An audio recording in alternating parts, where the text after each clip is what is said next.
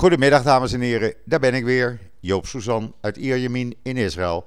Met mijn nieuwspodcast, die op donderdag altijd wat langer is, eh, omdat ik dan ook wat achtergrondnieuws geef.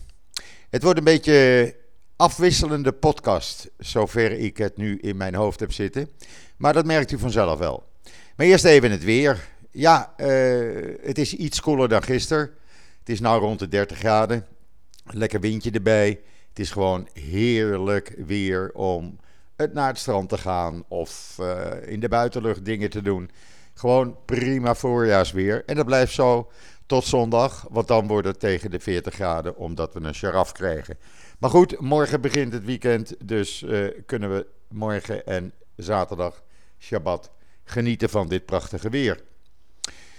Ja, en dan eerst eventjes uh, de BDS. Mijn broer Simon die vond een, een foto die ik over heb genomen van hem en op uh, Twitter heb gezet en op Facebook.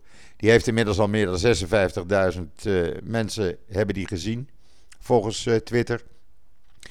En de BDS vindt het weer nodig om ja, posters op te plakken. de foto is van Rotterdam, maar ik neem aan dat ze in verschillende delen in Nederland hangen. Posters op te, op te plakken, eigenlijk komt het erop neer Koop niet van Joden, koop niet uit Israël. Ik vind het een beetje hypocriet. Hypocriet omdat diezelfde BDS'ers vooraan staan als ze Israëlische medicijnen kunnen krijgen. Vooraan staan als ze de nieuwste smartphone kunnen krijgen, waarin dan altijd, eh, ongeacht of het van Apple of Samsung of wie dan ook is, Israëlische software zit. Want de, ontwikkelings, uh, uh, de ontwikkeling wordt hier gedaan op hun uh, Israëlische vestigingen. Ze staan, hebben helemaal geen moeite als het gaat om auto's waarin tegenwoordig bij de meeste autofabrikanten standaard Israëlische of in Israël uitgevonden veiligheidsvoorzieningen in zitten. Ehm, maar de hypocratie kent geen top als het gaat om aanplakbiljetten, om mensen op te roepen koop niet bij Joden, koop niet van Joden. Want daar komt het gewoon op neer. Gelukkig in Amerika is dat anders. De meeste Amerikaanse staten, ik geloof dat het er nu 34 zijn, hebben de BDS verboden. En eh, bedrijven die toch met de BDS of met aan BDS gelieerde eh, personen en ondernemingen in zee gaan, die worden geboycott door de overheden van die 34 of 35 Amerikaanse staten. Dat zou nou in Nederland ook eens moeten gebeuren. Ik, uh, ik zou eigenlijk willen dat de Nederlandse regering gewoon zegt: bedrijven die zich uh, conformeren aan de BDS, die krijgen geen staatsopdrachten meer. En mensen die werken voor de BDS komen niet meer uh, in overheidsdienst. Maar helaas, het zal wel in Nederland niet gebeuren. Want eh, als het om Israël gaat, houdt Nederland er jammer genoeg een dubbele mentaliteit op na. Uh, maar nogmaals, ik ben blij dat uh, inmiddels meer dan 56.000 mensen, en dat is op dit moment dat ik de podcast opneem, deze, deze uh, tweet hebben gezien. Waarvan er zo'n 8000 of ruim 8000 inmiddels de tweet hebben geretweet commentaar hebben gegeven of op een andere manier hebben gereageerd. Ik ben daar eh, blij om dat gelukkig er nog zoveel mensen zijn die het slechte van de BDS inzien. Want de BDS, het is niks anders als een stelletje Israël-haters. En ik zou eigenlijk tegen die lui willen zeggen, ik heb dat ook op Twitter gezet. Als je dan zo tegen Israël bent, dan uh, lees dan even, ik heb het op Twitter gezet en op Facebook het interview met de ambassadeur van de Verenigde Arabische Emiraten in Israël. En die heeft een, uh, een opiniestuk geschreven in Ynet, in het Engels, over zijn eerste maand bij de Sabres. U weet, de Sabra, dat is een, uh, een nickname voor Israëli. En dat is een fantastisch uh, opiniestuk wat hij geschreven heeft. Hij was verbaasd, maar ook enorm blij toen hij bijvoorbeeld over de markt in Tel Aviv liep en zag hoe Joden, moslims, christ, christenen en mensen zonder religie met elkaar boodschappen deden. Uh, de handelaren verkochten aan orthodoxe Joden, de Arabische handelaren. Uh, de Druzen die aan Joden verkochten. De, en hij zegt: Israël is een toonbeeld van een land waar iedereen, ongeacht geloof, elkaar respecteert en met elkaar woont en leeft en werkt. En dat is ook zo. Ik woon nu ruim 21 jaar in dit prachtige land. En ik kan niet anders zeggen, eh, ja, het is niet perfect. Maar we leven wel met elkaar en we respecteren elkaar. En als je respect hebt voor de ander, krijg je respect terug. En helaas, in Nederland is dat respect helemaal verdwenen. Jammer genoeg. En ik vind dat het de taak van de overheid is om daar eens iets aan te doen. Want daar ben je tenslotte overheid voor. Goed, dan nog even iets anders. Ik ben dit even kwijt.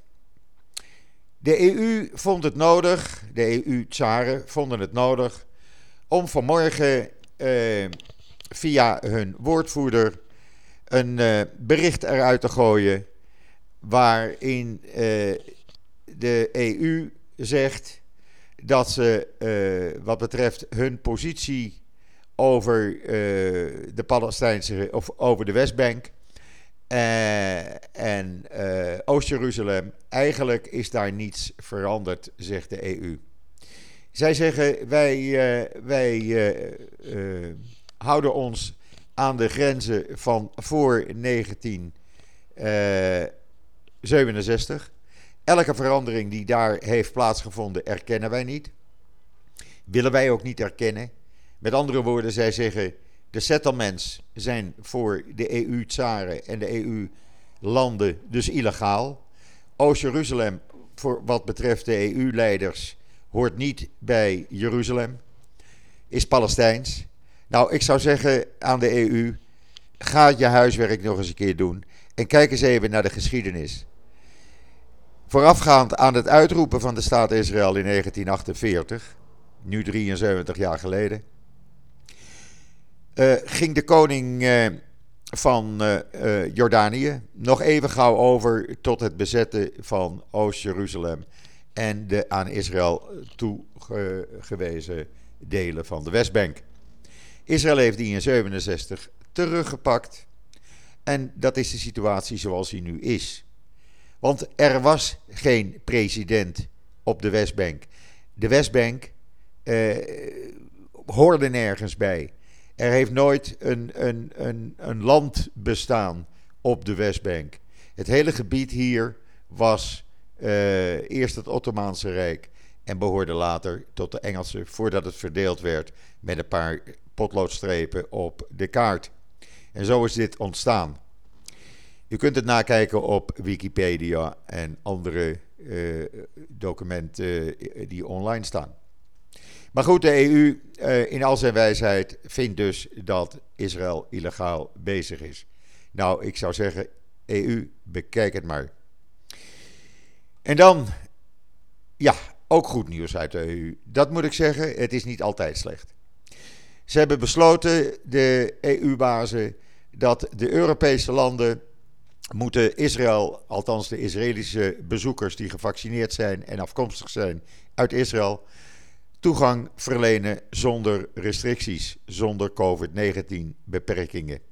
Dat is goed nieuws, want inmiddels zijn er hier zo'n 5 miljoen uh, 100.000 mensen uh, ingeënt, twee keer. Dus het grootste gedeelte van de bevolking boven de 16 jaar is gevaccineerd, tweemaal.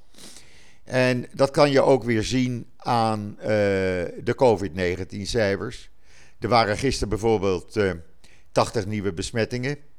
0,2% van de testen kwamen, kwamen positief terug.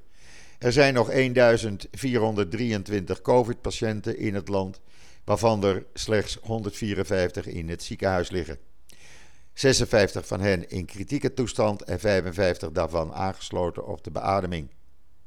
En die cijfers werden bekendgemaakt op het moment dat de Israëlische uh, ministerie van Volksgezondheid uh, weer een aantal beperkingen heeft opgeheven.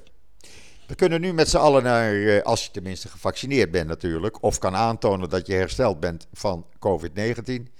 Dan kan je onbeperkt met een onbeperkt aantal bezoekers naar evenementen of naar de voetbal. Stadions kunnen weer vol.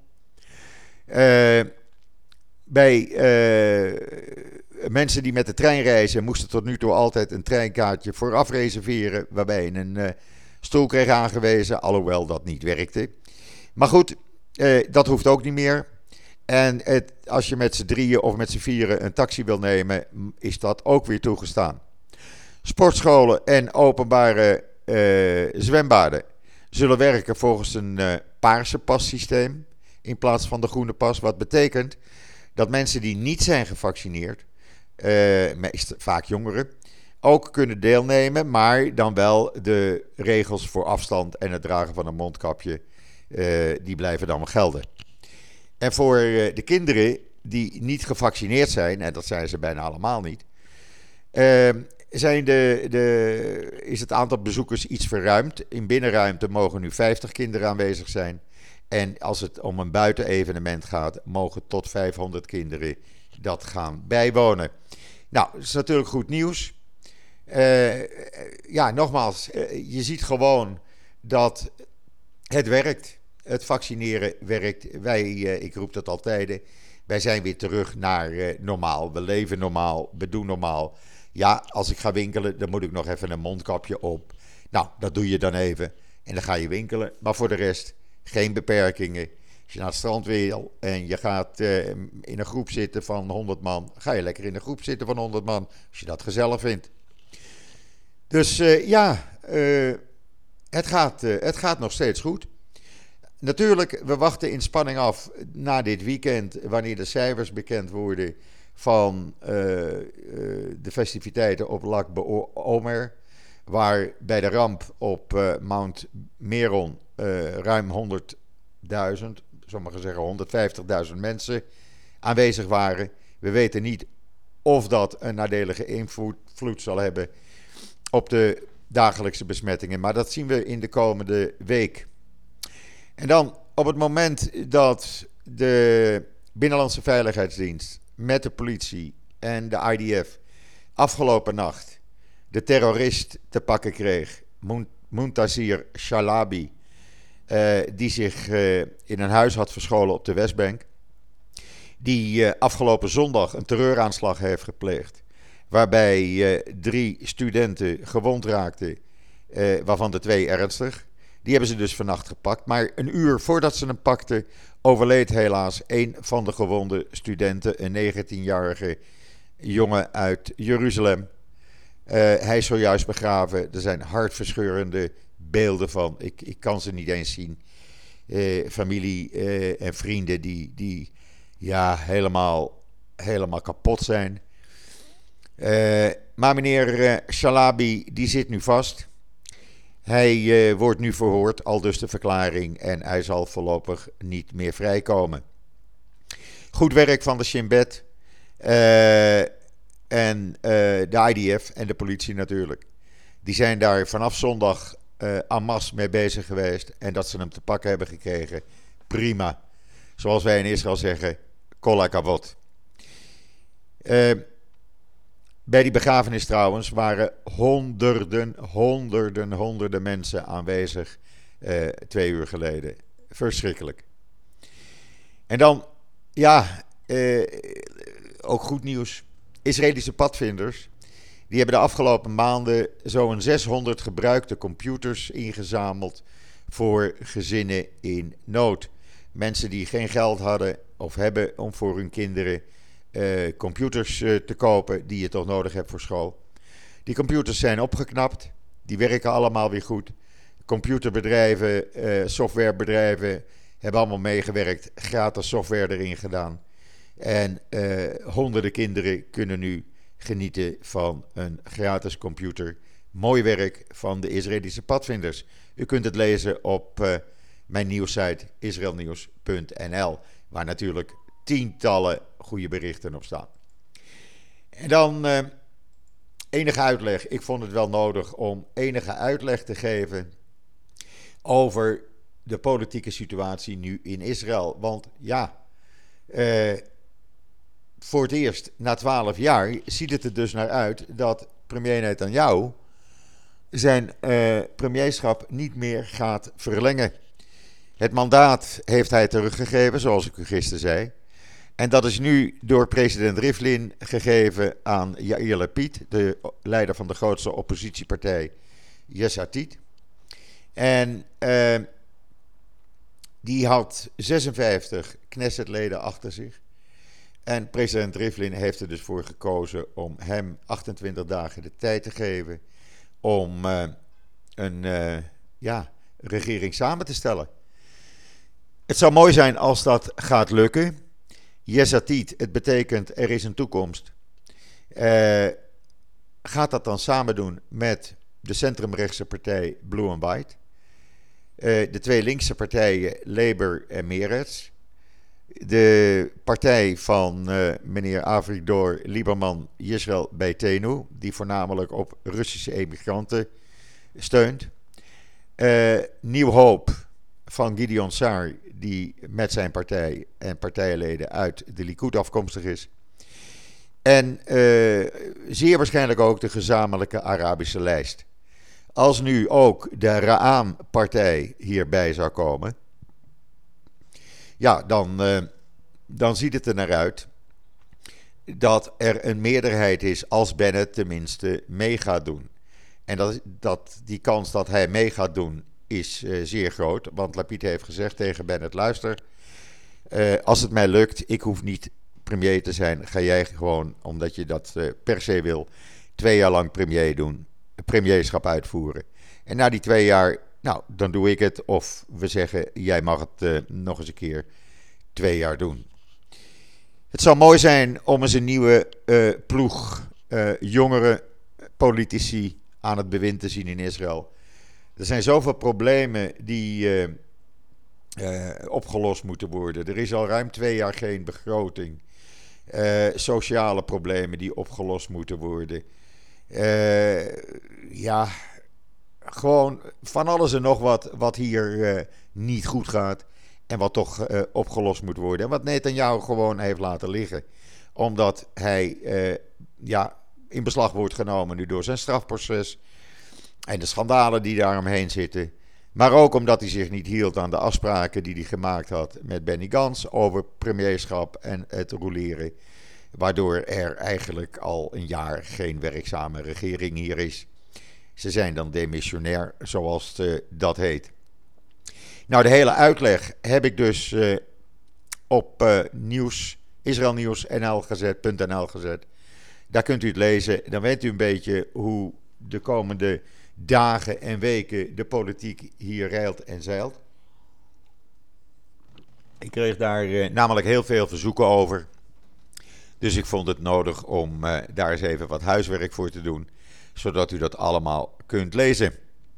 En dan in de dierentuin van Jeruzalem. Ik heb daar leuke plaatjes van op uh, israelnieuws.nl staan. Uh, er zijn twee moederapen bevallen. En wat blijkt nu? Ze zorgen om de beurt voor elkaars baby. En dat is gewoon erg leuk. U moet het maar eens even gaan bekijken, de foto's. Uh, ja, dat is echt goed nieuws. Ik vind het ook goed nieuws uh, om mijn podcast mee te beëindigen. Uh, ja, u weet, op donderdag doe ik dat altijd wat langer. omdat ik op vrijdag, als er niets bijzonders gebeurt, ja, wil ik ook een beetje een moment voor mezelf hebben natuurlijk. Je moet dingen doen en misschien ga ik morgenmiddag wel even lekker naar het strand. Niet dat er geen nieuws op uh, mijn, uh, mijn uh, nieuwsblok komt. Want ik heb al het een en ander aan interessants klaargezet. Waaronder morgen, hou het vast in de gaten. Een prachtige film, echt een mooie film van een minuut of acht over Jeruzalem. Het is een schitterende film die ik via de gemeente Jeruzalem toegezonden kreeg. Uh, echt de moeite waard om er morgen even voor te gaan zitten. Om 1 uur staat hij morgen online. online. En oh ja, dan had ik Menno de Vries nog even gesproken. U weet, uh, ik had voor hem online gezet dat hij morgen, gisteravond, dus door Tel Aviv ging lopen, waarbij uh, de, de toeschouwers eh, een kaartje konden kopen voor 5 euro. Nou, dat hebben heel wat mensen gedaan. En die konden dan zelf de camera 360 graden bewegen terwijl Menno liep. En Menno zegt: Joop, ik heb hem net gebeld, een uur geleden. Hij zegt: Joop, je wil niet weten hoe leuk dat was. En er hebben al verschillende mensen inmiddels ook een uh, excursie bij hem geboekt, bij Menno de Vries, in, uh, voor Jeruzalem. Dat zijn mensen die gisteravond meekeken en die zeiden: Menno, je doet dat zo leuk. Wij zijn in oktober met twee families in een bed and breakfast in Jeruzalem. En wij willen een dag met jouw Jeruzalem Tour mee. Nou, dat is toch leuk om te horen dat uh, het via uh, mijn nieuwe nieuwsblog, mijn nieuwe nieuwssite, zo leuk wordt opgepikt. Ik ben daar ook blij voor, voor Menno. Uh, trouwens, Menno organiseert ook schitterende excursies naar de Matsada. En hij organiseert fantastische tochten door Tel Aviv en Oud-Jaffo. Gewoon leuk als je naar Israël gaat en je zegt, nou, ik wil eens een keer uh, gewoon echt alles weten van Tel Aviv of Jeruzalem of Haifa of de Matsada of maakt niet uit wat. Menno de Vries is echt de aangewezen persoon. Geloof me, ik ken hem al jaren. Het is een heerlijke, gezellige Hollandse man. Altijd vol humor, maar hij weet waar hij het over heeft. En hij doet het op een manier ja, die gewoon verfrissend is. Ik ben een paar keer ooit met hem mee geweest in de afgelopen jaren. En het is gewoon leuk. Uh, ik heb er dan zelf ook plezier in. En uh, altijd gezellig. Dus denk daaraan als, je keer, uh, als jullie naar Israël komen. En ik verwacht dat dat na 1 juli weer kan. En je wil een leuke excursie. Boek Menno de Vries. Ja, dan ben ik aan het eind gekomen van mijn podcast. Zoals gezegd, morgen in principe geen podcast. Want ja, Joop wil ook eens even rustig aan doen. En misschien wel even naar het strand gaan. Lekker met de hond. Uh, het zeewater is inmiddels 22 graden, dus dat gaat ook de goede kant op. Maar zondag ben ik er sowieso weer. Wat mij betreft wens ik iedereen nog een fijne voortzetting van deze donderdag, de 6e mei. Uh, deel nog even zoveel mogelijk die tweet of het Facebookbericht over de BDS. De meer, des te meer mensen het weten, des te groter de kans is dat we de BDS eronder gaan krijgen. Uh, Shabbat Shalom vanuit Israël. Een goed weekend toegewenst. En wat mij betreft, ik ben de zondag weer, dus zeg ik zoals altijd: tot ziens, tot zondag.